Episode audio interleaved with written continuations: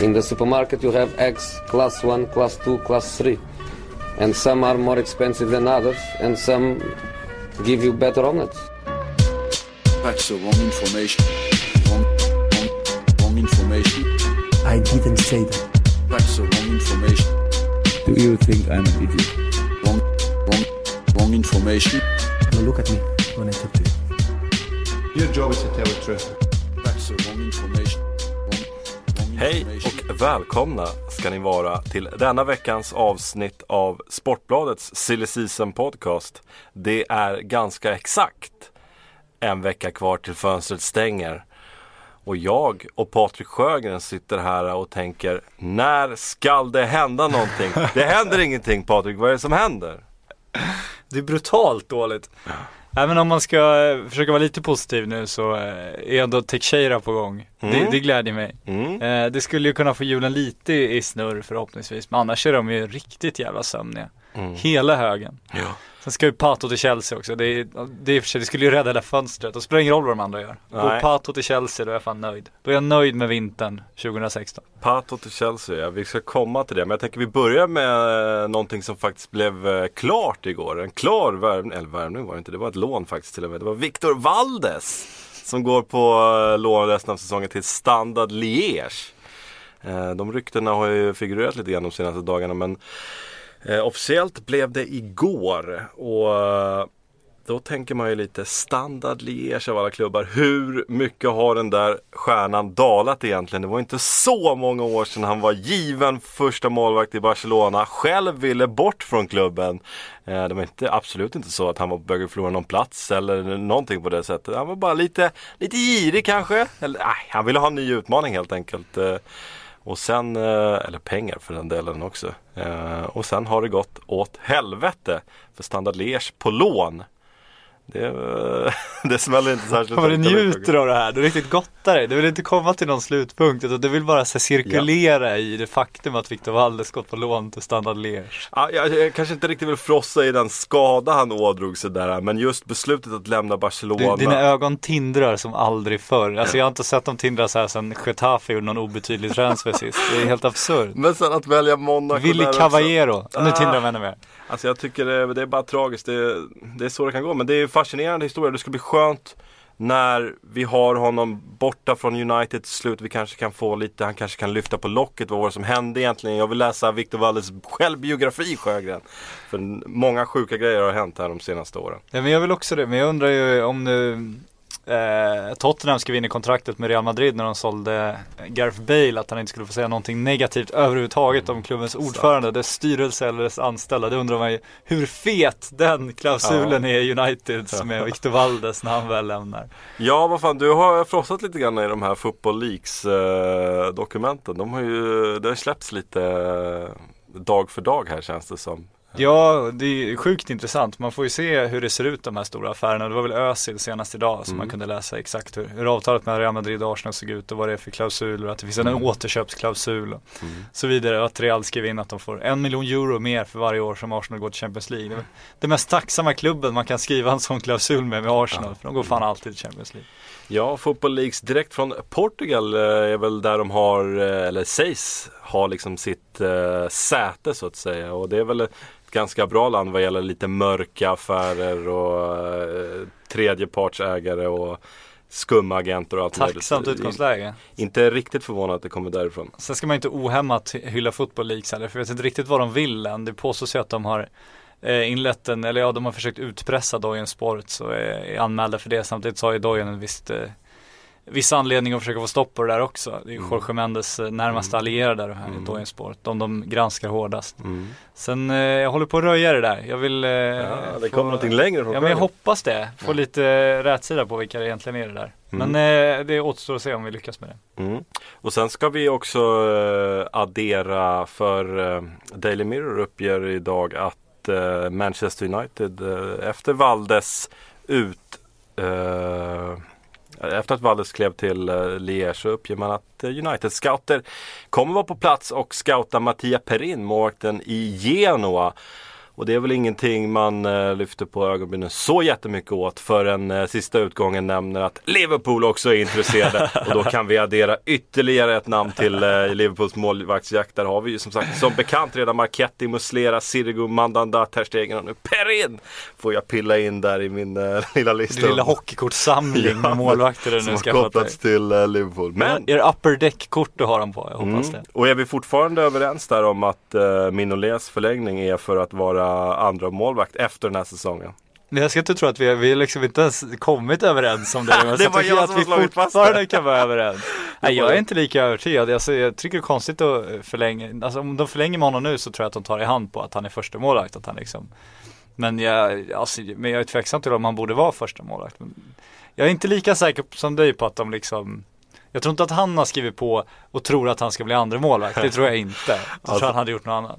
Det är så, eh, ja, alltså det är så sjuk situation för jag, jag kan verkligen inte se att eh, Klopp tycker Minolet, fan vad bra han är, honom kan jag lita på i fem säsonger här framöver. Jag kan inte se det. Eh, och sen så är det klart, jag har ju lite svårt att se även att Minolet skulle vara helt, helt okej när eh, Klopp säger att Nej, du är andra målvakt här fem säsonger framöver. Jo, man säger inte att de ska få svinmycket cash om de ska sälja honom då heller riktigt. Så att, Nej, men Minolet är ju liksom, det är ju, om vi säger så här, han är ju betydligt bättre än de eh, andra målvakter eh, Liverpool har haft de senaste säsongerna. Eh, så får han sitta på en bra lön där kanske. Mm, mm, Inte helt olukrativt i alla fall. Det går ingen nöd på honom än så länge. Nej. Och sen har vi eh, Teixeira som du nämnde tidigare. där eh, Daily Star vidarebefordrar Fotboll Ukraines uppgifter om att Liverpool är överens med Teixeira om de personliga villkoren. Men att det fortfarande är lite svårt att komma överens om prislapp med Shakhtar Donetsk. Sen också att säga Football Ukraine, han, han för ju ett eget personligt krig han som är bakom det Twitterkontot nu. Han har ju hamnat i dispyt med någon före detta människa som hjälpte honom med det. Som nu hänger ut honom som helt eh, icke trovärdig Oj, och liksom, ja, kallar honom diverse saker. Så det visar sig då att det är en, en, eh, en ukrainare i, i New York som sköter det här Twitterkontot. Jaha. Så man kan ju ifrågasätta hur mycket egna uppgifter han har och hur mycket han vidarebefordrar från ukrainsk press kanske. Ja. Jag tror inte att man ska ta gift på att de vet någonting överhuvudtaget egentligen. Sant. Eh, Det finns de här eldsjälarna borta i USA som håller på. eh, Mycket invandrare till USA som har det här eh, brinnande fotbollsintresset. Men jag vet inte, som du säger, om vi ska ta det för sanning, det som skrivs från staterna. Eh, Men eh, så var det ju den här skadan på eh, trä, träningslägret Ja. här. De har ju lite speluppehåll i ukrainska ligan och det är ju illavarslande att han drar en eh, lårskada perfekt. innan han ens är klar för Han är Liverpool. som gjord för Liverpool. Det var rakt in, rakt in i en medical team. Ja. Nej men det, det, om José Mourinho fortfarande hade varit manager för Chelsea hade jag inte uteslutit att Liverpool hade fått genomföra läkarundersökningen. Sen hade Chelsea ridit in och snott av dem heller. Men nu vet man ju inte om den gode Jos har eh, lika hårda nyper. Men eh, han är ju tveklöst på väg till Liverpool, så är det ju. Det ska bli sjukt spännande att äntligen få se även honom i Europa. Man har ju de där Shakhtar-brassarna som man får njuta av lite i Champions League på någon ja, kall förtidsmatch vid 19-tiden. Man vill ju liksom ha dem in i värmen också. Det är ju ett imponerande målfacit han har för att vara offensiv mittfältare, minst sagt. Det kan man säga. Alla, eller alltså, många brittiska medier presenterar honom som striker per automatik. Bara För att han kikar på mål. målen ja. Och sen har de liksom ingen koll på hur han är som spelare egentligen. Nej. Eh, och det är ju en ganska markant vändning för eh, det kändes som att i flera månader hette det att eh, han skulle till Chelsea. Det var, det var utstakat. Men det blir som sagt Pato för Chelsea. Ja, den är underbar också. Alltså, allting talar ju för det nu. Det skulle ju kunna bli klart idag på Daily Mail. Jag vet inte om jag litar på Daily Mail i vanliga fall. Men jävlar vad det chockerande att man har vant sig vid tanken att Alexander Pato ska springa ut i en, i en blå tröja på Stamford Bridge. Det, är- ja, det, är, det är som man blir lyrisk och själaglad och bara vill åka till London. Och... Fy fan vad härligt det är. Ja, om vi är tveksamma så eh, uppger ju också Sky Sports idag att eh, själva överenskommelsen för att plocka in Pato var klar medan José Mourinho var kvar i klubben. Och att Sjus Hiddink är nu den som ställer sig lite frågande till vad ska jag med Pato till? Och det är inte, li- det är inte utan att man eh, håller med honom lite grann där. Nej, alltså om det här stämmer att det inte är hans affär och Sky Source tror man ju ändå betydligt mer på än vad man tror på Daily Mail skulle jag vilja påstå. Då är det intressant. Sen eh, när de uppgifterna först kom så pratade man också om ett treårskontrakt. Och nu är det väl senast att det snackas snarare om ett lån. Mhm. Och det kan väl tyda på att eh, José kan ha satt ner foten och sagt att ja, men vi kan inte signa en spelare på tre år som jag inte vet kan springa än. Så. De lär väl ta in honom på lån och sen ha en, en tydlig förlängningsmöjlighet. Mm. Eh, sen vet man ju inte om José är kvar efter sommaren heller. Allting talar för att han inte är det heller. Nej. Så då ska ytterligare en tränare in och bestämma. Så Mm. Pat- Patos väger ju inte spikrak in i det där laget. Nej, det, det känns som att eh, det blir ett halvår på lån anonymt. Ja. Och sen vidare Sen rakt ner i Vitesse, på liksom. fotbollens vildmarker. För det är ju sant, för förra veckan satt vi här med käkarna ner i golvet när, kring uppgiften att det var ett treårskontrakt. Det var ju liksom inte så att han har spelat sig till Nej, det nej, det på, på något vidare sätt. Så, eh, Jo, varför chansa också när han är i en så desperat situation? Det känns Mm. inte som man behöver locka honom med ett treårskontrakt. Det är snarare du, du, du, kan få, du kan få vara här på anläggningen och få lite frukost. Så skulle han försöka ta den chansen. För att han vill så gärna spela i Premier League. Sen finns det ju också de här supersköna uppgifterna om att Pato kommer till Chelsea som eh, för att Roman Abramovic är skyldig eh, Patos agent, eh, vad heter han, Kia Jurichiban. Jurichiban, en tjänst. Sväljer du de, uppgift- eller de ryktena får vi säga? Köper rakt då? Nej, det vet jag inte om jag gör riktigt. Men man ska inte eh, vifta bort sådana där personliga tjänster. Det har ju Nej. förekommit diverse rykten om även svenska spelare som gått till lite för stora klubbar. Att det har funnits andra eh, skäl bakom att det ska bytas pengar och då behövs det någon affär att gömma det bakom. Det, är, det är mycket handslag eh, och personliga tjänster inom fotbollens värld, så är det tveklöst. Ja, eh, Jorge Mendes är ju precis en sån agent som utnyttjar lite tjänster för att placera spelare lite här och där. Eh, Han har skickat Falcao, alltså hela Falcaos fotbollskarriär har ju Jorge Mendes byggt med hjälp av tjänster och gentjänster. Varenda klubbyte har jobbat på det sättet. Så det tycker jag, de ryktena frossar vi gärna i. Annars är Ramirez olycklig i Chelsea uppger ISPN Brasil idag. Eh, och det är inte utan att man klandrar honom för han har blivit petad under skjutsridning till förmån för John Obi Mikel, Hiddings gamla favorit från 2007 eller någonting sånt där.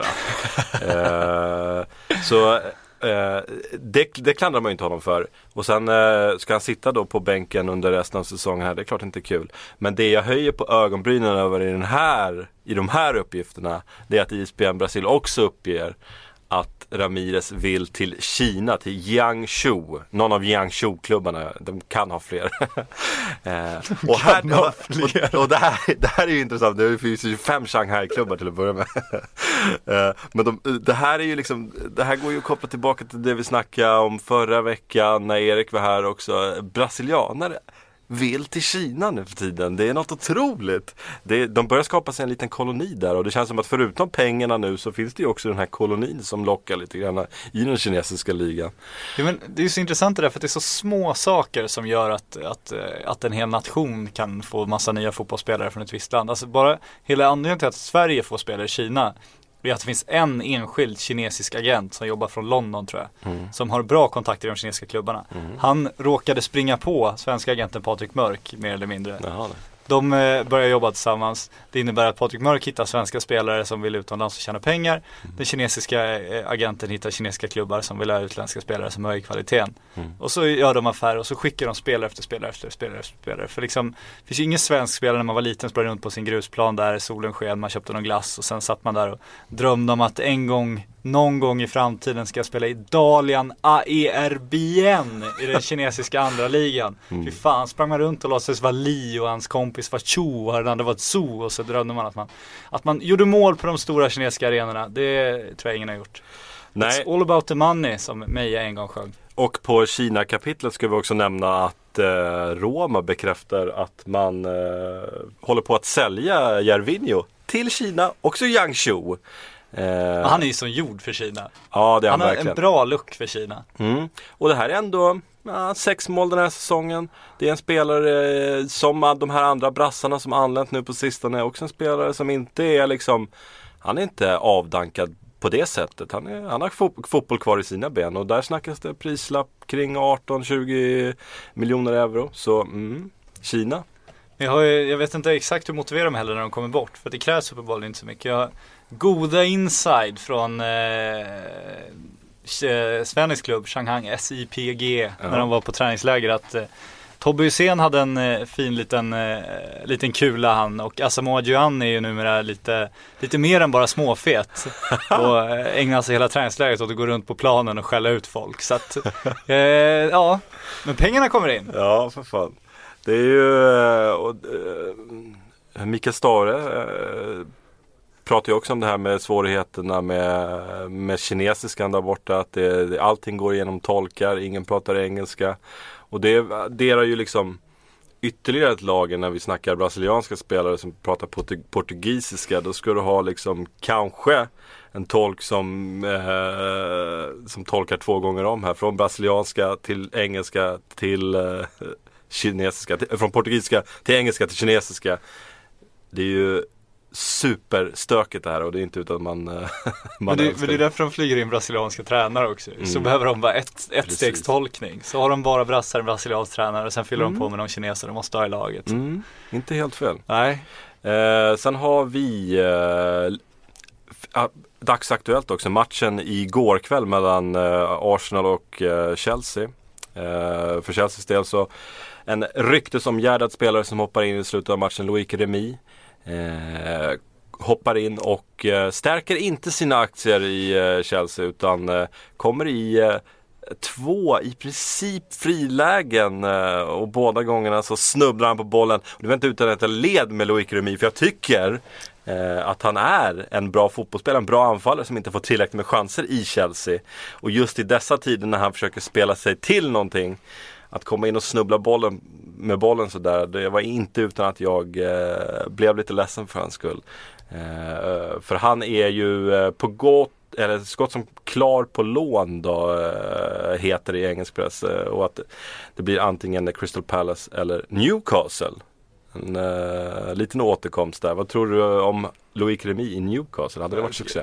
alltså ska man leta efter billiga fyndspelare ska man ju fan leta på i Chelsea-periferin liksom. De har ju en förmåga att lyckas förstöra kvalitet för de som inte får lira. Så. Mm. Ja, men Newcastle behöver väl en, en anfallare, vinna hemlighet, behöver Mm. någon ytterligare Mitrovic. För han kommer ju vara avstängd ungefär hälften av alla matcher under våren. Så. Mm. Det vore ju praktiskt. Crystal Palace eh, kan väl också minst sagt må bra av en anfallare. Och Remy är ju etablerad pre- Premier League-spelare. Han är ju bra. Han är ju, som du säger, han har inte fått Ja. chansen i Chelsea. Jag kan säga så här mycket, om jag får välja mellan Loic Remy och eh, Alexander Pato då vet jag vilket namn jag väljer. Eh, och det gör ju bara den här Pato-övergången än mer galen. Eh, men grattis till Crystal Palace eller Newcastle säger jag för jag tror att det, han kan växla upp rejält om han får spela lite grann. Jag är inte, inte lika negativ till Pato som du är. Jag är inte, Inte? Jag är inte lyrisk för att jag på något sätt tror att det kommer bli succé. Men jag tycker att man, man avfärdar honom lite för snabbt som ett skämt tycker jag. För han har inte gjort bort sig i Brasilien sedan han kom hem. Anledningen till att han gick så dåligt i Europa på slutet var ju skador. Har han fått ordning på skadorna, har lite snabbhet kvar. Alltså det är ingen usel fotbollsspelare, herregud. Nej, sett över tid kanske jag kan ge det lite rätt men komma in i Chelsea, ett litet stabbigt Chelsea som det ändå är just nu mitt i säsong. Eh, jag kan ju inte se honom göra fler än två mål eh, fram till sommaren. Nej, nej, det är också svårt att se honom i just Chelsea i den här situationen. I liksom, det tycker jag också är absurt. Men om han skulle gått till Tottenham i somras, det hade jag tyckt hade varit en eh, spännande snarare än löjeväckande. Ja, trots eh, remis missar igår kväll så vann ju Chelsea den där matchen. Eh, mycket tack vare Diego Costa. Eh, eh, men... En renhårig härlig spelare. Japp, som får Mertesacker utvisad i början av matchen och Wenger väljer att plocka av eh, Oliver Giroud till chock bland Emirates-publiken. Och eh, det utnyttjar El Confidencial i Spanien Kommer idag. pusslen igen. Japp, de uppger att Arsenal trappar upp jakten på Isco. Eh, som eh, Vad har det med Giroud att göra? Jo, för att eh, när Nu Walcott får du fan se ihop det här. när, när, ja, jo, så här ligger det till. För när Walcott då fick axla lite mantel där framme så var han eh, ungefär lika eh, medelmåttig som han har varit på de, de senaste veckorna. Så Isco är då en, eh, alltså det var att Giroud klev av var liksom ett bevis på att ah, det behövs lite mer offensiv kraft här. Det är den kopplingen som El Confidencial Ah, gör. okej. Och att var- man därför trappar upp jakten på, på Isco. Om vi ser Isco som enfall, ensam anfallare, det hade jag njutit av faktiskt. Ja, men de vill förstärka den här linjen med Walcott, Giroud och Özil då. Så Ja, det, det är vad de menar i alla fall. Men Ja. det är ju lite lustigt att eh, det är just Isco. För vi har ju pratat om det här tidigare. Isco är favorit hos eh, Zinedine Zidane. Eh, och eh, vi har ju snarare pekat på Chamez då som, som ut där tidigare. Ja men så vet man inte det heller det här. Det är det som är så intressant med Zidane tycker jag. Att Perez älskar ju Chamez, så är det ju. Det var ju Perez Galactico-värvning. Han vill ju inte sälja han i första taget. Då blir det intressant den maktkampen. Eh, Kan Zidane äntligen vara en som liksom står upp mot Perez och gör ett mer, mer taktiskt beslut eller kommer Perez fortsätta köra över Zidane också? För det är ju, ja just det, det glömmer jag ju nämna i en eh, konfidentiella uppgifter är ju att Florentino Perez är den som ska vara öppen för att sälja Isco till rätt prislapp. Där Mm. Det förvånar 30 mig inte det minsta. För han kom ju aldrig som någon Galactico. Han kom ju som en spännande spansk spelare. Inhemsk liten En Malaga. Malaga-pojk. Ja, exakt. Så jajamän. han, eh, han har nog inte emot att skicka den gode Perez. Men som fotbollsspelare är han ju Han hade ju varit en, en drömvärvning för alla Premier League-klubbar så ju. De eh, har ju tvingats inse att de är där i näringskedjan. Att när, när Real har eh, spottat och tuggat klart och, då kan Premier League komma dit och ge dem miljardlöner. Mm. En annan klubb som förlorade helgen var Manchester United och eh, det gör ju mig något otroligt ledsen för det, då kommer ju rykten om van Gaal ut igen. Jag älskar det varje måndag man kommer in till jobbet så trycker man upp de här. Ja men vad, vad har de på tidningssidorna i Storbritannien liksom? Ja, Van Gaal. fan, kan, nu är han kick alltså. Vad fan tröttnar ni? Ni har gjort det fan fyra veckor i rad. Ja, nu får ni lugna ner er. Mm. Bestäm er. Ja faktiskt. Men, eh, Han, hade- han hade setts på flygplatsen igår Ja, eller var det? Ja, hade, exakt. och så, men det var tydligen någonting med att hans eh, dotter fyllde år så eh, Ja. han skulle hem till Holland eller någonting liknande. Så det gick att förklara bort. Men eh, ja, tabloiderna är ju ganska överens om att eh, det snart är över. Och Ja. eh, det, det krossar mitt hjärta för att Du än en, gång, van alltså? än en gång så är han episk på presskonferensen eh, efter matchen när han örfilar en eh, reporter. Har du sett det klippet? Nej, Har du inte sett det klippet? nej. Han örfilar en reporter. Jag har sett hans ursäkt. Det, han på alltså det är en sån här, du vet, en lätt örfil, en dubbel sådär. Ja, okej. Eh, för han får frågan, eh, är du intresserad av att värva Ashley Cole? Och då svarar han, han har inte spelat på ett år och så ger han honom två lätta örfilar på kinden som att säga Kom igen Nu nu gubben. nu ska in här. Kom igen nu gubben, in i matchen. du, du, hur kan du tro att jag skulle vara intresserad av Ah, Ashley lite så, Cole? oh, jävlar vad Typ, överlägsen. Det här är ju briljant. Det här Alltså, är riktigt bra Det där, där kan du alltså. snacka härskarteknik. Eh, när han verkligen sätter den här eh, AP-reporter eller något som BBC, BBC-reporter. Är det Lipton? Nej. Eh, nej det är det inte. Men det är en BBC-reporter vet jag. Det är brutalt. Eh, så det var ju, alltså Kom igen, ska vi bli av med det här? Alltså, van Gaal är det mest underhållande i Premier League tillsammans med Diego Costa eh, just nu. Jag blir, eh, jag blir förkrossad om Men jag älskar att du inte tar populistdörren här i alla fall. Det ska du ha heder för. Mm. Sen tycker jag, alltså när han sitter och säger men Manchester United-fansen förväntar sig mycket, jag kan inte leverera det. Ja, det är ju konstiga citat. Ja, det han säger egentligen är väl att han tycker att de har för stora förväntningar. Ja. Men vad fan, vad då för stora förväntningar? Han är ju liksom Englands mest framgångsrika klubb. Mm. Han har eh, liksom ojämförbar transferbudget. Mm. Han kan liksom, i början kunde han ju ta in vem han ville i stort sett. I alla fall hade råd med. Och han misslyckas kapitalt Mm. liksom. Och inte nog med det, han spelar så tråkigt så till och med Usain Bolt har tröttnat liksom. Mm.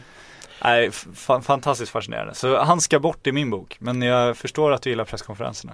Alltså, ju, eh, här sitter ju Ed Woodward eh, lite grann i samma båt som eh, Perez satt i eh, med Benitez.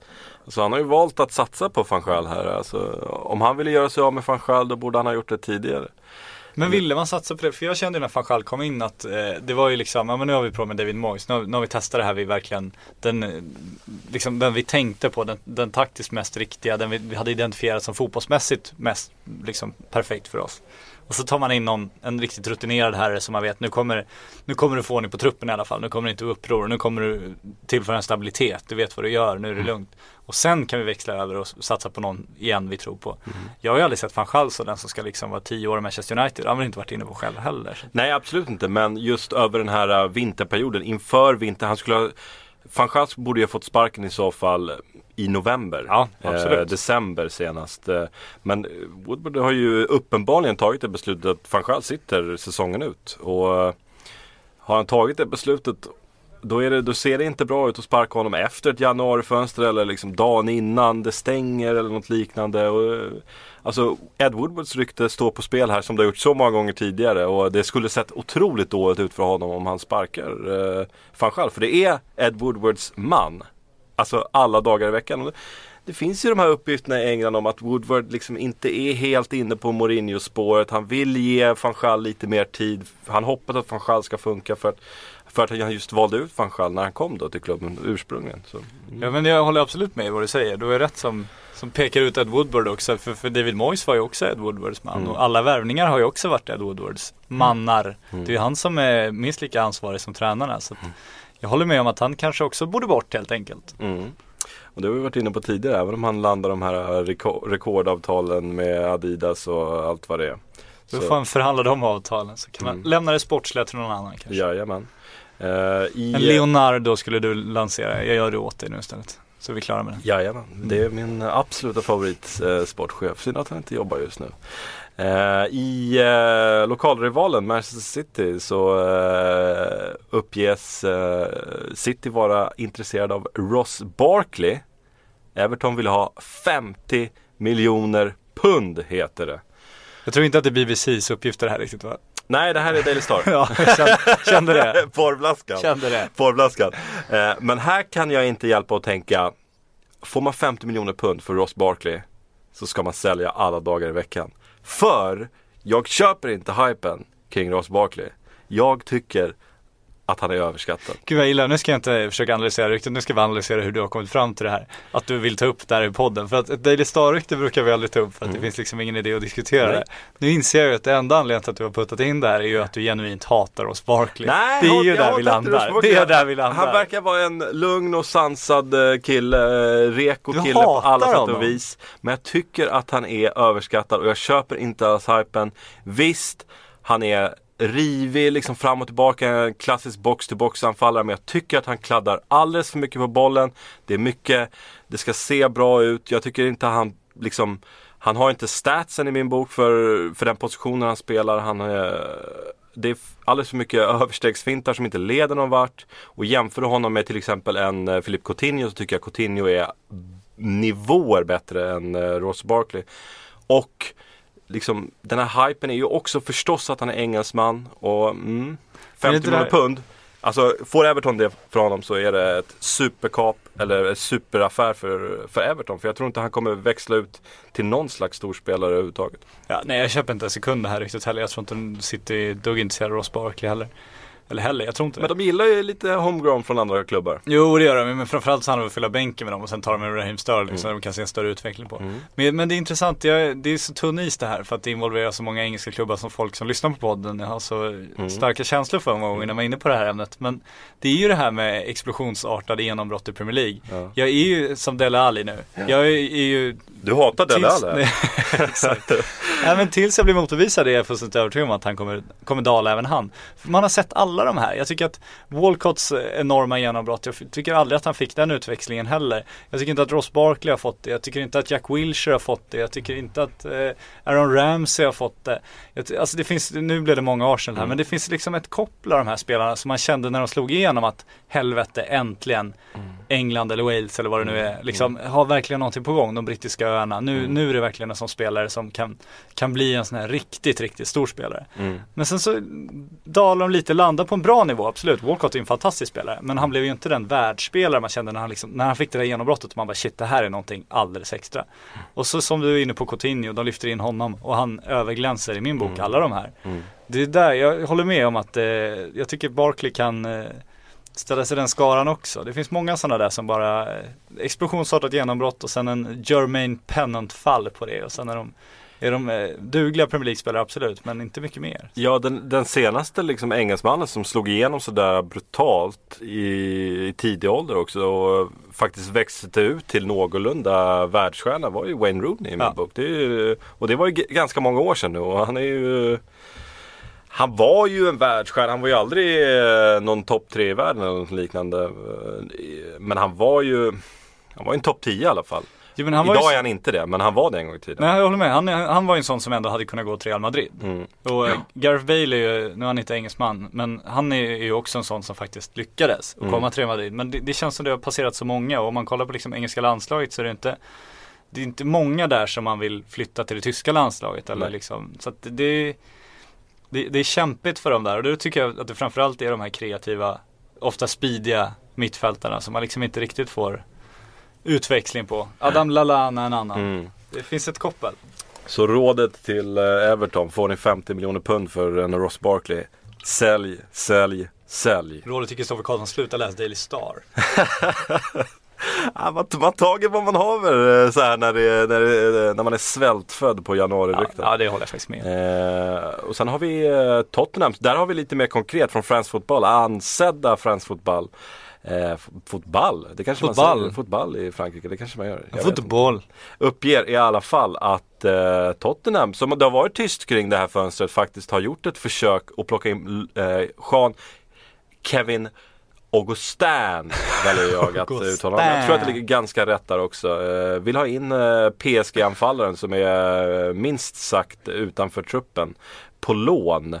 Men fått nej. Och här är ett rykte som jag reagerar på av den anledningen att det säger lite granna om PSGs status och hur mycket den klubben har växt. När en klubb som Tottenham, som liksom för spå tillbaka fem år, eh, så skulle så skulle det här vara liksom ett köp av en mindre PSG liksom. De skulle ha köpt den här spelaren och nu är, kommer man till PSG och ber liksom på knäna för eh, ett lån av en eh, spelare som inte ens är start i, i PSG och får nej. Jag tycker det, det säger mycket om den utvecklingen som, som PSG har gjort eh, på den europeiska scenen. Och eh, Eh, lite grann om just det här som det har ryktats om Tottenham tidigare. De vill ha lite anfallsförstärkning då till Harry Kane. De vill ha lite backup där och sånt där. Så, mm, ett rykte som jag stannade upp vid. Jag håller med, med PSG det är bara att kolla. Alltså de har Marquinhos på bänken, de har Mm. Lavetzi på bänken. Mm. Det är ju en eh, De själva vill ju hävda att det är, det är de, Bayern München, Real Madrid och Barcelona nu. Ja, Och eh, jag skulle inte säga, sätta dem med Real Madrid, Barcelona Bayern München, men fan de är precis under. Så är det ju nu. ja. och eh, Football League, eller Football Money League där från Deloitte eh, publicerades ju förra veckan. Eh, den här eh, topplistan över eh, mest intäkter i fotbollsvärlden och där klättrar ju PSG igen. Eh, den här gången är de upp på fjärde plats. Förbi Bayern München till exempel. Men gud man skulle vilja bryta ner det där för att man har ju ja absolut de har ju helt upplåsta eh, kontrakt med Qatar och så. Mm. Jag undrar vilka det är som köper PSG-tröjorna. Absolut Zlatan i Sverige men fan hur, hur snabbt vinner man nya, nya supportrar? Det går ju uppenbarligen extremt fort. Ja, och sen är det ju de här uppblåsta sponsorkontrakten som det är frågetecken kring. Liksom, eh, undgår de Financial Fair Play här med liksom sina sponsorkontrakt som är från eh, Qatar och är liksom väldigt, väldigt lukrativa. Lite för lukrativa. Alltså kontra den exponering som företagen får genom PSG. Mm. Där, där vinner man också lite intäkter, helt klart. Eh, ett annat superhärligt rykte så här på eh, måndagen är eh, Eh, trodde jag först var Birmingham Mail för det var vad Sky Sports skrev eh, i, i sin eh, lilla silly-blogg. Men det var Daily Star. Nej, det var eh, Calcio Mercato som uppgav att eh, West Bromwich vill ha Mario Balotelli. Eh, Balotelli som är på lån hos Milan. Eh, men som inte har fått den där önskvärda supercomebacken som, eh, som man hade hoppats på när han återvände till Serie A. Istället så, eh, så ser det ut som att han snart kommer få leta ny klubb. Och här, eh, Calcio Mercato, West Bromwich. I konkurrens med West Ham säger de också. Och då skulle det vara alltså den tredje gången om jag räknar rätt han kommer till Premier League. Ja, men Jag ska, jag ska han verkligen till West Bromwich? Jag köper inte det här heller Tony Bewley ser, ser inte hur? någonting i Balotelli. Nej, alltså det jag tycker är mest fascinerande med Balotelli just nu är när Jürgen Klopp får frågan. Och vad han ska göra med honom. För det är ju Liverpools spelare, kommer ju Mm, vara det i sommar. mm. Och jag tycker ändå det, det brinner till lite i Klopps ögon. Han verkar lite sugen på ändå få över honom ett par veckor på träning. Det är så vart han står. oj, oj, oj. Jag tror det hade ju varit en prestigeseger om Jürgen Klopp skulle få igång Mario Balotelli. Då jävlar. Ja, är det någon som ska göra det så Alltså, ja, eh, Klopp Han gillar ju Zlatan Ibrahimovic Lynnig Mario Balotelli, ännu mer lynnig Ja, så. jo, han, han gillar också på rätt sätt. För man Mm. tänker, det, det ska sig ju med Mourinho. Mm. Kan man säga. Mourinho är ju hårda nyper liksom. Mm. Klopp är ju engagerad på ett annat sätt. Han är ju eh, snarare lite lösare. Mm. Nyper och jobbar med med motivering, motivation och sånt där. Och det, Lite likt Mancini som Balotelli trivdes under i City. Ja, så att eh, helt eh, omöjligt skulle det inte vara. Sen är frågan liksom hur bra Mauro Balotelli är med tanke på att han inte spelar fotboll, inte gjort det på 4-5 år. Så. att- Men eh, jag tror inte han kommer gå till West Bromwich. Inte? Nej, jag har svårt att se det. Ja, svårt att se det. Mycket lönekostnader så ska hållas där. Får skicka honom till Kina, får ringa Patrik Mörk. Helt klart. Dalian Aerbien. Eh, och om vi drar oss kvar lite grann i Italien där så har vi ju en Paolo Dybala som bara fortsätter att göra mål i Juventus. Fortsätter att växa ut till liksom en super superstjärna på den europeiska scenen. Och Toto Sport är ju fullkomligt förälskad, det är Turinbaserade tidningen där i Italien. Toto Sport är ju fullkomligt förälskad i Dybala och eh, i slutet av förra veckan eh, läste jag eh, deras uppgifter om att Barcelona är superintresserade av Dybala och att Juventus redan ska ha nobbat ett bud på 80 miljoner euro under det här januarifönstret alltså. Då eh, sätter jag kaffet i halsen. För han anlände ju bara i somras. Och Barcelona som jag snackat om tidigare eh, ska ju förlänga med Neymar. Eh, hur är finanserna där egentligen? Och så kommer de här uppgifterna om 80 miljoner bara rakt till Juventus för Dybala. Tror vi på Toto Sport här? Eller är de lite för kära i eh, sin Dybala? Jag tror de är lite för kära. I'm Nick Friedman. I'm Lee Alec Murray. And I'm Leah President, and this is Crunchyroll Presents The Anime Effect. We are a new show breaking down the anime news, views, and shows you care about each and every week. I can't think of a better studio to bring something like this to life. And Yeah, I agree. We're covering all the classics. if I don't know a lot about Godzilla, which I do, but I'm trying to pretend that I don't right Hold now. it in, hold it. And our current faves. Luffy must have his due. Tune in every week for the latest anime updates and possibly a few debates. Oof. I remember, what was that? Say what you're gonna say, and I'll circle back. you can listen to Crunchyroll Presents The Anime Effect every Friday wherever you get your podcasts. And watch full video episodes on Crunchyroll or the Crunchyroll YouTube channel.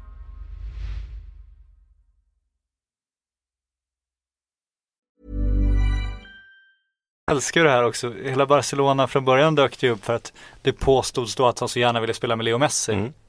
För att han hyllat Leo Messi. Det är logiskt om man är argentinare. De har ju också, i England gör de ju allt för att få Leo Messi till Manchester City och har ju intervjuat Agüero och liksom pressat honom på hur han, hur han snackar med Messi under landslagslägren och Messi har frågat om London och Messi och hälsar på i, i London också för att han är ju bästa kompis med Cesc Fabregas och deras flickvänner framförallt är ju extremt tajta. Har vi fått lära oss. Och om man ska knyta ihop det med Dybala igen så eh, hade ju, jag antar att det var brittisk press som hade skickat en journalist till Juventus senaste match och så kommer Dybala ut och så får han frågan då, du önskade Premier League, hur ser du på Just det? Och Dybala säger, du jag gjorde ett mål idag och en assist, jag fokuserar mest på det. Ja. Och då blir det stora rubriker i England att han inte är intresserad av Premier League. De kan ju inte förstå hur han kan säga det. Hur kan, hur kan han inte bli smickrad och tala sig varm om denna fantastiska liga? Oförståeligt! Skandalöst. Och Ja. då var ju resan värd en del ändå. Det var ju Han fick rubriker om rubrik det. där. Men eh, Barcelona, det sista de letar efter nu är väl den, den typ av spelare, känns det som. Alltså, Ja, faktiskt. i så fall om de ska ha ett komplementspelare, absolut, men inte en Dybala. Sen får man ju se om alla ser den potential som man själv nu börjar göra i Dybala, eller gjorde även tidigare, innan övergången till Juventus. Så kanske det är dags att knipa honom i tid också innan det, eh, det eskalerar för mycket, den där prislappen. Vill man eh, vara konspiratorisk så kan man ju kanske spekulera i att Dybala 80 miljoner, eh, Barcelona-bud. Är det kanske en viss eh, rädsla att eh, Neymar är på väg bort?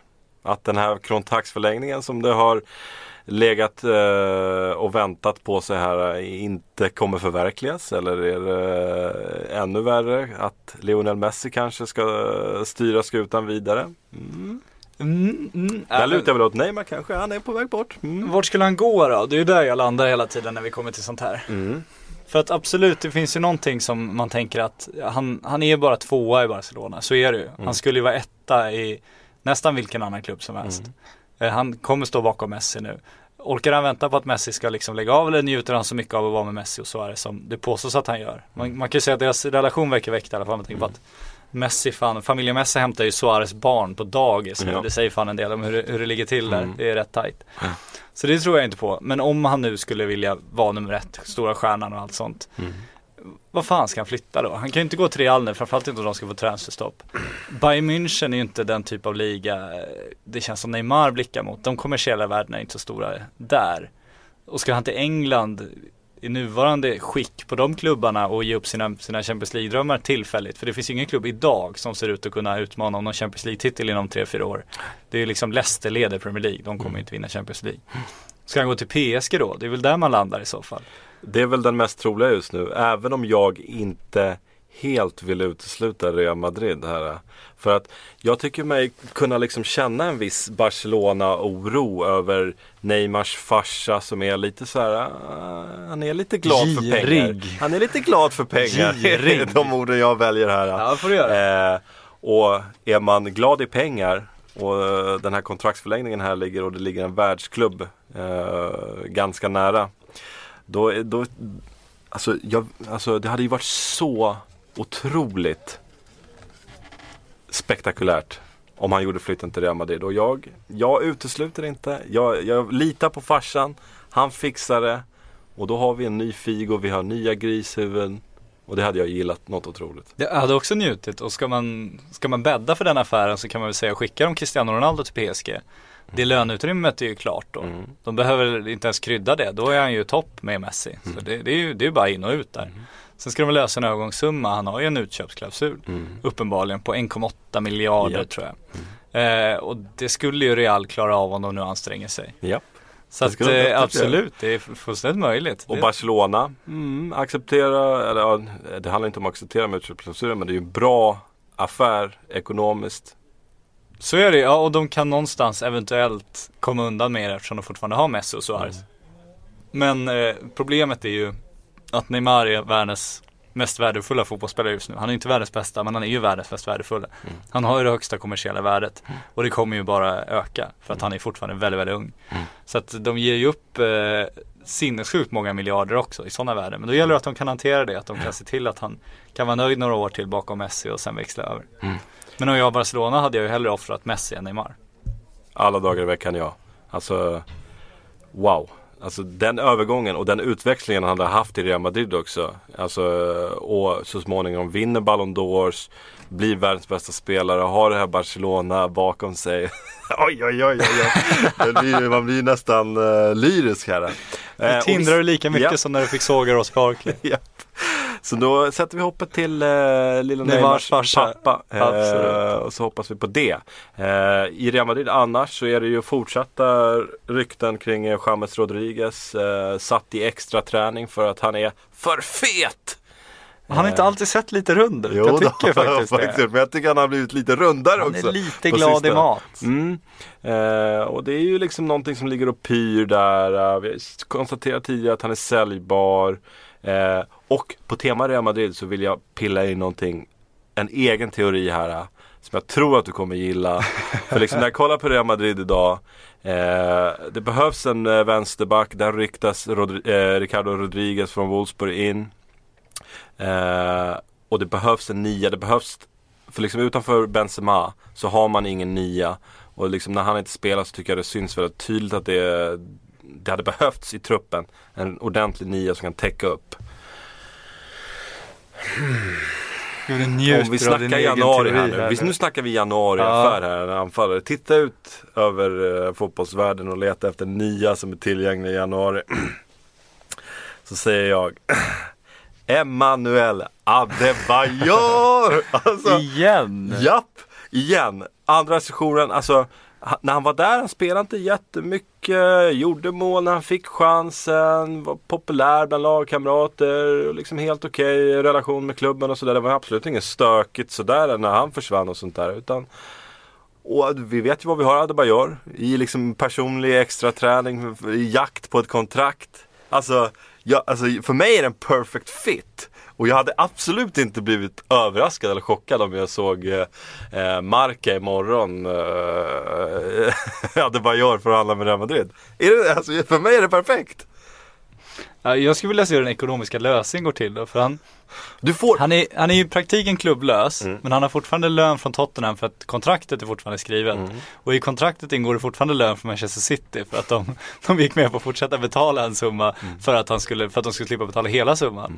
Om man då ska gå nu till Real Madrid, han kommer inte få samma höga lön. Ska han då lyckas förhandla med alla tre klubbar så att han delar på hans lön? Så han liksom avlönad av City, Tottenham och Real. Det vore ju fan fantastiskt. Ja, det hade varit spektakulärt. Och sen så har du ju också som jag ser det då, då har du ju liksom eh, Adebayor på ett ettårskontrakt. Eh, och så får du... Det gör de ett år, inte bara ett halvår alltså. Ja okej då, vi kan ge honom sex månader men du får fortfarande samma effekt vilket är den här Adebayor som spelar för sitt liv, spelar för ett treårskontrakt Ja, ja. i Real Madrid. Och, eh, då är det inte bara liksom en- en backup-anfallare man får utan man får en anfallare som gör mål, mål, mål, mål. Jag skulle ju vara lyckligare av din plan om det inte varit så att Alan Pardew varit ute och sagt att han tittar på Adebayor och Niklas Bentner till Crystal Palace. Och de tillsammans, det strävsamma gamla Arsenal-paret, det gör mig fan gladare i brallan än Adebayor till Real gör alla dagar i veckan. Ja, alltså jag gillar ju Pardew. Jag, jag gillar tanken med Adebayor på korttidskontrakt alla dagar i veckan. Och du Eh, gillar Niklas Bentner. Men jag, jag, jag begriper inte Niklas Bentner, varför han pillade in Bentner. För Bentner var ju liksom en fotnot i det där citatet. Det var liksom, ja Bentner också. Varför släppte han ens namn där? Det alltså. Jag begriper inte det. Där blev jag besviken på den gode Allen. Älskar, älskar Allen. Eh, innan vi lämnar PSG också så måste jag också säga Cavani, Edison Cavani. Lekip fortsätter ösa på med uppgifterna om att han är eh, Han har det svårt i PSG just nu, han trivs inte. Ehm, och liksom relationen med Zlatan är inte särskilt bra och sen har vi den här eh, Det här krismötet som man hade i Dubai och Alltså den situationen som Cavani är Gör att jag tror ännu mer på den här teorin om att Zlatan blir kvar. Ja, men, men det, nu förstår jag inte, varför blir den teorin tydligare då? Blir inte teorin För tydligare att Cavani måste Zlatan bort. går? Cavani måste bort. Jo, men om du flyttar på Zlatan så är väl problemet löst eller? Nej, nej, nej, nej. Cavani måste bara, han kan inte, jag tror inte La- Laurent Blanc vill ha kvar eh, Cavani över nästa säsong. Absolut inte. Cavani, för mig så måste han säljas. Eh, på grund av en relation med Blanc som jag tror inte är bra någonstans. Eh, och det visar sig också med de här petningarna, liksom den här semestern hem till Uruguay igen och kommer tillbaka till Frankrike, petad, petad, petad. Så jag, alltså, som jag ser det så är eh, Cavani tokborta från PSG. Jag tror att hans tid är räknad i PSG. Och att eh, de därmed behöver ha Zlatan i minst en övergångssäsong nästa säsong. Jag tror också Cavani kommer bli såld. Det har jag känt så ända sedan det där första uppgiften om det där mötet kom. Jag trodde tidigare såklart att han också skulle vara, vara kvar som en som en, eh, ja, men få chansen centralt när Zlatan gick. Men jag tror också att de säljer Cavani. Men jag tror inte lika tydligt som du på att det, det påverkar Zlatans framtid. För jag tror att Zlatans framtid är lite för, för stor fråga för att man ska hantera den som något, någon bekväm alternativ och ha kvar som backup. Jag tror att det, det första de måste hitta i sommar är ju en ny superstjärna att bygga kring. Det, alltså David Luiz hår i all ära men det, liksom, det, det täcker inte riktigt Zlatans tomrum. Så det behöver de framförallt. Sen får man väl se om han kommer vara en central anfallare eller om de kommer ha en, en Pogba mittfältare eller om de hittar nytt eller om de köper ut alla andra klubbar och tar Dybala. Det ska man ju inte hålla för otroligt heller. Nej. Så att, eh, där tror jag det snarare hänger på vem, vilken ny superstjärna som kommer. Det tror jag snarare har större inverkan på Zlatans framtid än Cavanis vara eller icke vara. Okej. Innan vi kliver på uh, Men vi vill ju flytta på Zlatan för fan. Vi måste ha något Nej, att göra i sommar. flytta. Vi vill ha honom eh, minst en säsong till i PSG. Nej, ge mig något att göra i sommar. Det ska vara Zlatan Silly hela sommaren. Fy fan vad härligt. Det är inte helt fel men det beror ju på vad man, alltså man ska inte eh, Vad är det, hur går det där uttrycket? Man ska inte Se en ulv i fårakläder. Inte riktigt, nej men det jag menar är att det kan ju sluta med att vi får se Zlatan göra en flytt till Orlando City. Ja, så, Då ja, har man ju. Gapa fan efter mycket. Gapa för, för mycket, Missar ofta hela stycket. Jag har svårt med svenskan Patrik. Ja, jag vet. Det är därför du blir journalist. japp, japp. Så nej, eh, kan, kan jag liksom, blir jag erbjuden här och nu två års förlängning Men vad för tycker du- Zlatan men i PSG, då tar jag det. Vad får du ut av Zlatan i PSG nu då? Följer du League? Champions. League, jag får ut honom i Champions League och liksom ett PSG som växer och, eh, och, och liksom ökar sina chanser i Champions League säsong för säsong. Alltså mitt, alltså scenariot här för mig som är fullt tänkbart är ju att Zlatan lämnar PSG och säsongen efter vinner de Champions League. Ja, ja herregud, det är så det kommer så sluta. Det vet ju du och jag. Ja, det är så jävla- helt Det hade varit uppenbart. så hemskt.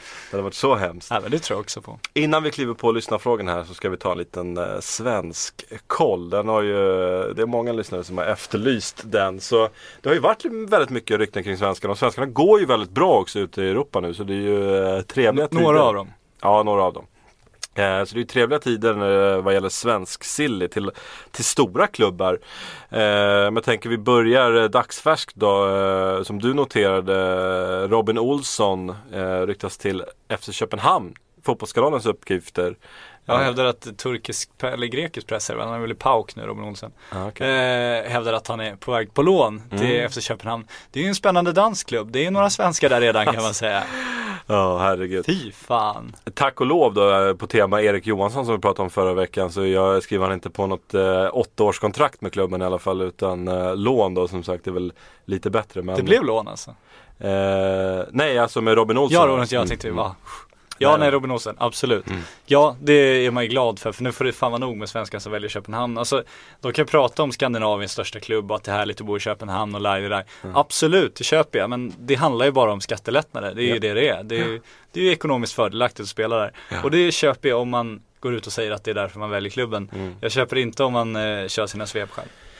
Eh, på tal om det så stod ju Johansson för ett han stod ju precis för det uttalandet FC Köpenhamn är största klubben i Skandinavien. Och då är det ju liksom, då har han spelat i Malmö, eh, Champions League, Malmö två raka säsonger. Eh, och det är ju Kissar de lite i ansiktet där kan Ja, man det säga. var precis det han gjorde och jag, jag noterade att Malmöfansen inte var jätteglada över det uttalandet. Eh, Och det förstår man ju. Det var ganska, ganska korkat uttalande. Ja, för en kille som har spelat i Malmö som ger liksom konkurrenten med FC kom den här titeln. Ja, och det är också så här pressmeddelande uttalande som, det är inte så att FCKs supportrar sitter och eh, tycker att ah han älskar vår klubb, det är kanon, utan det där är standard procedure för dem. Det är alltid det, det citatet när en Mm. svensk är klar för FCK. Det slår aldrig fel, det är varje gång. Men det upprör ju på annat håll, så man förlorar Alltså på det. stryk, det där, stryk den meningen. Du kan säga någonting annat. FC Köpenhamn, fantastisk klubb. Det ska bli kul. Eh, men, Men att, man- men att titulera som Skandinaviens största, det var så otroligt korkat. Och jag blev eh, nästan lika förbannad som Malmöfansen. Men hur arg blev du exakt när Gustav Nilsson sk- skrev på för Bröndby nu? Falkenbergstalangen. Alltså Det är så otroligt tråkigt och det är här får ju Malmö rätt igen då eh, med sitt argument. Alltså Bra för svensk fotboll med Malmö ute i Champions League-miljoner. Ja, om det investeras i svensk fotboll hos andra svenska klubbar. Eh, men eh, Malmö kan ju inte göra någonting om inte spelarna vill till Malmö. Liksom, eh, eller klubbarna vill sälja till Malmö. Och, men här får ju fan agenten gå in. Jag tror att det var Selakovic nu. Jag vet, jag vet inte exakt vad han gjort som agent tidigare. Mm. Nej, Men vad i helvete ska han göra? För Bröndby har ett bra anfall. Mm. De har bra spelare. Han kommer ju få svårt att ta en plats där. ja, det är om det ska säljas spelare i Bröndby. Eh, Magnus Eriksson till exempel. Men han är 18 bast, alltså vad fan ska han åka till Brö- Bröndby ligger fyra i danska ligan va? Det är ingen klubb på uppgång liksom. Det är ju en ganska dekis klubb. De har Ja. inga större europeiska möjligheter. Han har möjlighet att gå till Malmö FF som har ett, ett bra lag, ambition att komma ut i Europa igen. Jajamän. Han har möjlighet att välja vad han vill i Sverige. Han hade kunnat gå till. AIK om han föredrar att bo i Stockholm och har det på det sättet. Han går till Bröndby. Det är så Jättekorkat. genomdumt så att det finns inte. Så- Där måste ju någon fan ge lite bättre rådgivning alltså. Otroligt dåligt. Eh, nästa svensk, Oskar Lewicki. Eh, Fotbollskanalen rapporterade förra veckan att Celta Vigo hade lagt ett bud. Sen eh, tyckte jag det var lite roligt. Eh, dagen efter eller något liknande så kom Sydsvenskans eh, Max Wiman eh, med en eh, så kallad eh, ta ner artikel. Kallade det ett hittepå-bud i, i rubrik där. Eh, och enligt Wiman då så hade Celta Vigo visst varit intresserat men det var tidigare och de har aldrig lagt något bud och de är inte intresserade idag. Men Eh, rykten kring Lewicki och eh, bekräftat då enligt Wiman, eh, Celta Vigo intresse är ändå intressant. Jag eh, reagerade direkt på ursprungsartikeln och tänkte Gudetti och Lewicki i Celta Vigo, wow vad kul. Ja, det är roligt. Enkelt att följa dem om inte. Mm. Du vill ju flytta till Vigo och sitta där och sola. Så att, kan du äta din glass ha två svenskar att titta på. Exakt. Ja men Lewicki, ja, absolut, han måste väl ut i Europa, så är det ju. Mm. Han är ju klar i Malmö FF, jag tror inte att han kommer utvecklas mycket mer där. Sen eh, har jag fortfarande frågetecken för om man har hela registret för att spela i, i en klubb med toppambitioner i Spanien. Jag tror att Spanien blir svårt för honom och det var också någonting jag tänkte på. För jag har ju tidigare varit inne på det här i eh, diverse poddar. Jag tycker hans passningsfot eh, lämnar för mycket att önska för att vara på den absoluta toppen. Och det är ju någonting som, som är extra viktigt i La Liga. För även om du är den här hårdföra defensiva mittfältaren som bryter ner spel så i, La Liga måste du också ha passningsfoten. Så Eh, jag ser hellre Lewicki i, eh, i Tyskland eller mm, allra helst England såklart. Jag håller med, jag tycker också att han är lite för begränsad spelare och det tror jag också många klubbar gör att de tvekar just för att om du såg på Hiljemark som hans kollega ju sa, har ett helt annat tempo, en helt annan, eh, helt andra lungor och en eh, mycket större register. Mm. Lewicki är ju en nyttig defensiv mittfältare, en bra, bra eh, alltså positionsspel, bry- brytningssäker, bra inställning. Stabil passningsspelare absolut, men han kommer inte dra den här crossen på 40 meter, sätta upp ett läge och han kommer inte gå box till box och han kommer liksom inte tillföra de sakerna i spelet. Så att, det är nyttig men jag tror inte att han kommer ta en plats i Celta Vigo. Sen har vi, som du nämner, Oskar Hiljemark som fortsätter att göra det bra i Palermo. Igår gjorde han eh, mål och assist, detsamma som eh, Robin Quaison. Det var ju en riktig svensk succé eh, för Palermo igår. Och det är ju en spelare som tokryktas bort i januari redan. Eh, trots att han anlände så sent som i somras från PSV Eindhoven så kopplas han ihop med Milan, han kopplas ihop med Napoli i Serie A. Men han kopplas också ihop med Norwich, Everton och eh, vad har vi mer där? Oh, Norwich, Everton och Du kan fundera så dödar jag alla Englands grejer med en gång. För Ja, att ja. jag, jag Mm. tror Oskar Hiljemark älskar livet i Italien. Eh, han är väldigt modeintresserad, den, eh, den gode Hiljemark, har man upptäckt. Och jag tror att han skulle drömma om att få smyga runt på Milanos gator som en spelare i AC Milan.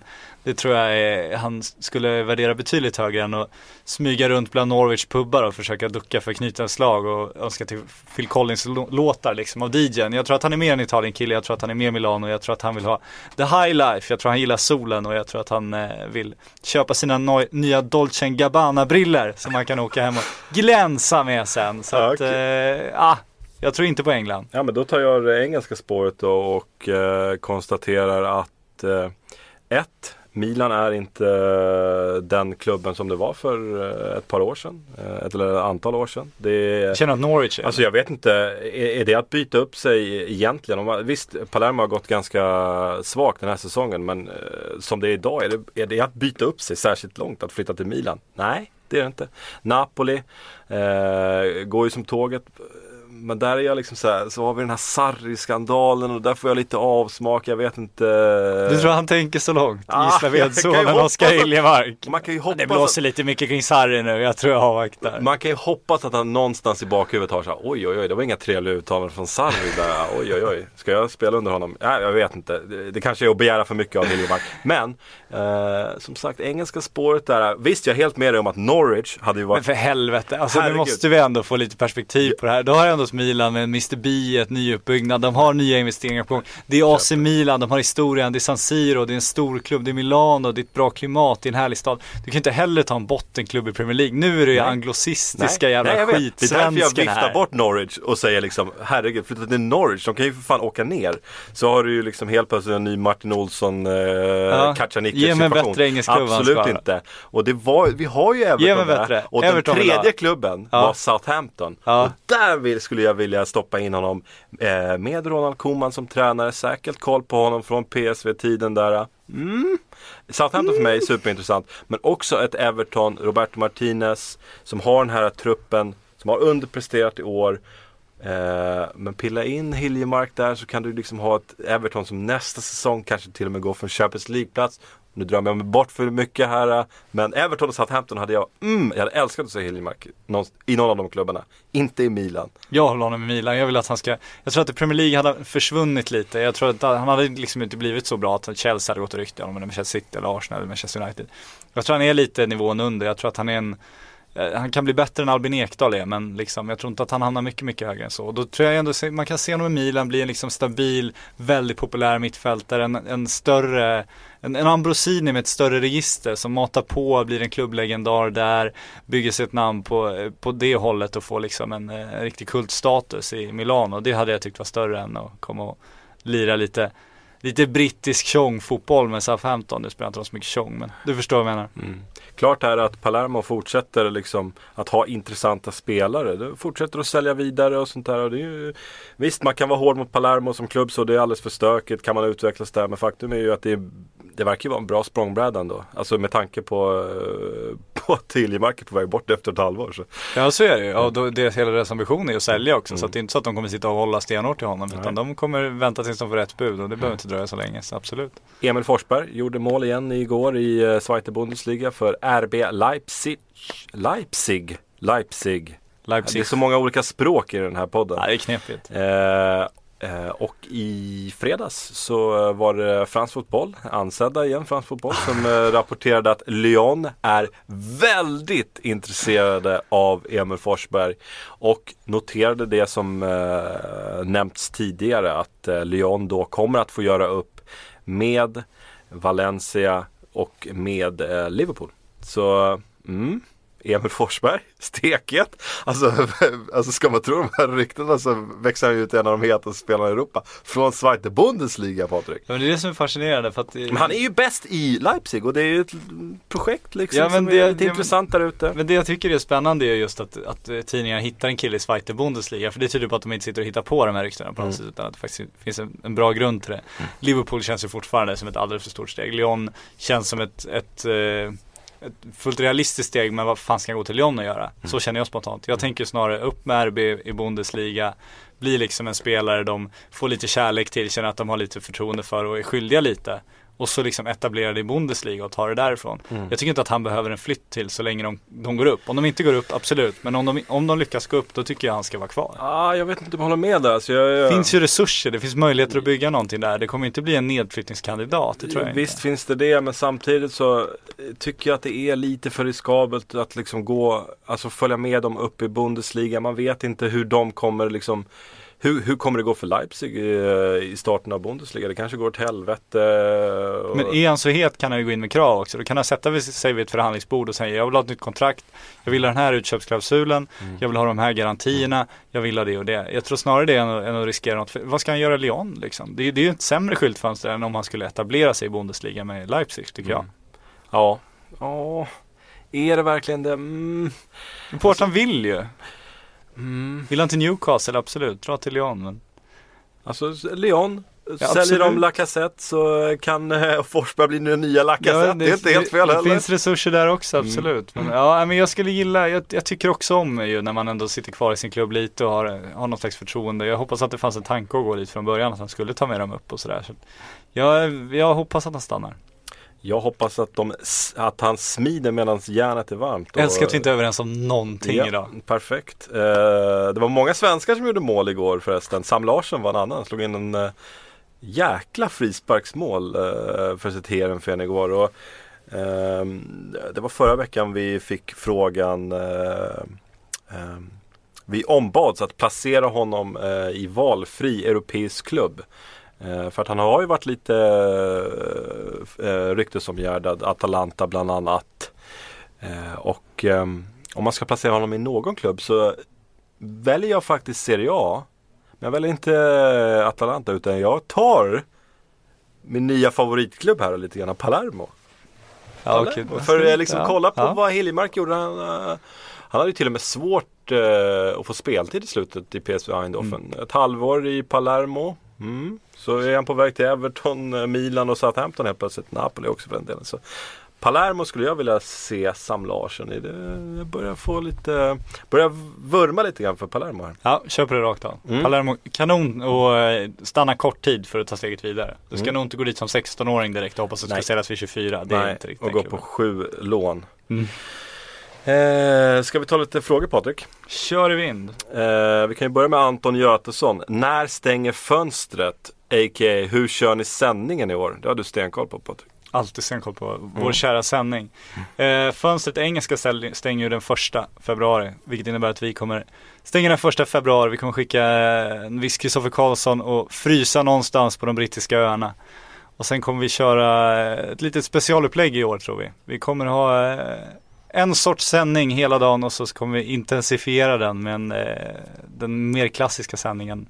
De sista skälvande timmarna, ganska många timmar. Vi är inte helt på det klara med, med formatet så vi vågar inte släppa några garantier. Men grejer ska in, godis ska kastas, blåljus ska snurra och Kristoffer Karlsson ska frysa händerna av sig. Ah, Som traditionen Jag- bjuder. Jag, jag fick upp hoppet här när jag satt och kollade på Arsenal-Chelsea igår och eh, var Glenn Strömberg som kommenterade och informerade oss om att det faktiskt var 13-14 grader i London.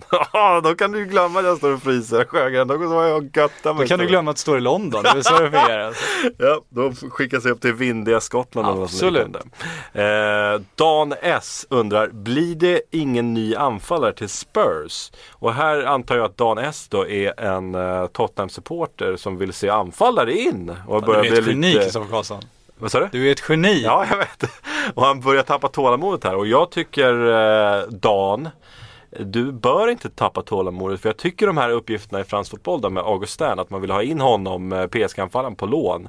Talar för att man jobbar för någon slags anfallslösning här. Alltså, eh, puh, jag tror nog att det kan bli någon slags anfallslösning till eh, Tottenham. Jobba gör de definitivt med tanke på Berahino och annat i somras som inte eh, blev av. Känns ju fortfarande inte som det är helt utslutet med ett sent högt bud så att jag håller med men eh, hoppet om att det ska lösa sig är inte lika högt som eh, övertygelsen om att de försöker, det kan man ju säga. Olof Frank skriver om Mourinho tar över Manchester United, är det här då den sämsta truppen han någonsin jobbat med? Och det man får jämföra med i så fall är ju eh, Porto-truppen eh, som han tog eh, Som han vann CL med. som han vann CL med. Och då måste man faktiskt konstatera att eh, den var bättre än eh, Uniteds trupp idag. Så ja, det är den sämsta truppen han någonsin jobbat med. Sen finns det ju saker i Uniteds trupp, alltså Depay, det finns ju en, en stor potential. Det finns ju stort kunnande i Rooney, Mata. Det finns ju bra spelare, det sker ju briljant. Men det är många som underpresterar. Och det känns som, hade de lyckats sätta ett, ett eh, tryggare system, en bättre defensiv, en tryggare grund, då känns det som fler hade kunnat blomma kanske. Men, Mm. men det behövs ju absolut nyförvärv. Eh, Och det behövs att det är andra än Ed Woodward och eh, Louise van Gaal som köper de spelarna uppenbarligen, för det går ju inte. Nej. Eh, Jonas Åkerblom undrar, vad behöver Newcastle köpa för att klara kontraktet? Om det nu ens är möjligt. Eh, jag tror Newcastle kommer klara kontraktet ändå. Jag tycker att de har spelarmaterialsmässigt så är de tillräckligt bra för att vara i mitten av Premier League utan problem. Tycker jag.